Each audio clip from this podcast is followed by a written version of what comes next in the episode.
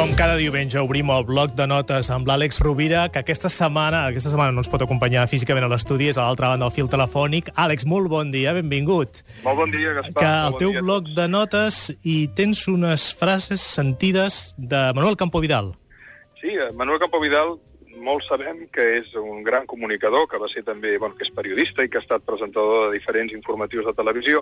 I l'altre dia vaig coincidir amb ell en unes conferències, ell en donava una, a mi em tocava donar-ne una altra després, i m'agradaria en aquest apunt breu del bloc de notes eh, traslladar l'essència del missatge que va donar, que el vaig trobar molt interessant. Essencialment, Manuel Campo- Campovidal va dir que a l'escola normalment se'ns ensenyen dues habilitats relacionades amb la paraula, que són escriure i llegir, i que certament i malauradament no tothom després eh, practica l'exercici del llegir i encara menys el d'escriure.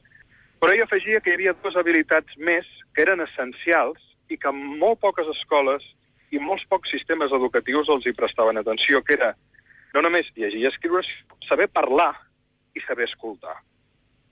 I recordo, i aquí ho hem dit, Gaspar, en alguna ocasió, que, com deia Ramon Llull, la paraula és l'arma més poderosa, no? Perquè amb les paraules gestionem la realitat. I som humans gràcies a l'ús de la paraula. De fet, la paraula orador ve d'oració, i oració ve d'orar o de pregar. Qui parla bé és un bon orador. Invita l'altre a connectar-se amb si mateix, a escoltar la seva pròpia veu, i d'aquí la importància de saber parlar, perquè ens connecta amb la nostra essència. Però per saber parlar és important saber escoltar. Per tant, cal escoltar per parlar bé i parlar bé per arribar a l'altre, que és probablement el més important que tenim en aquesta vida.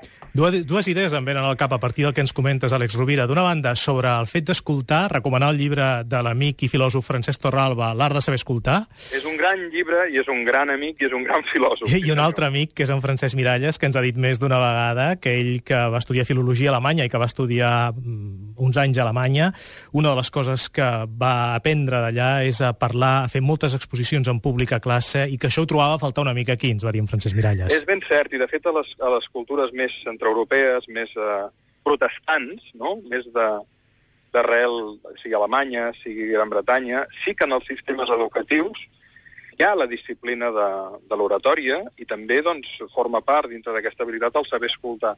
Crec que és una reflexió important, perquè finalment, fins i tot si la nostra classe política parlés millor, ja no dic a l'anglès, sinó sabés expressar-se millor i sabés, escoltar millor, eh, viuríem en una altra realitat realment molt més rica i de vegades es troba a faltar. Àlex Rovira, moltíssimes gràcies, que tinguis bona setmana. La setmana que ve ja ens retrobem a l'estudi.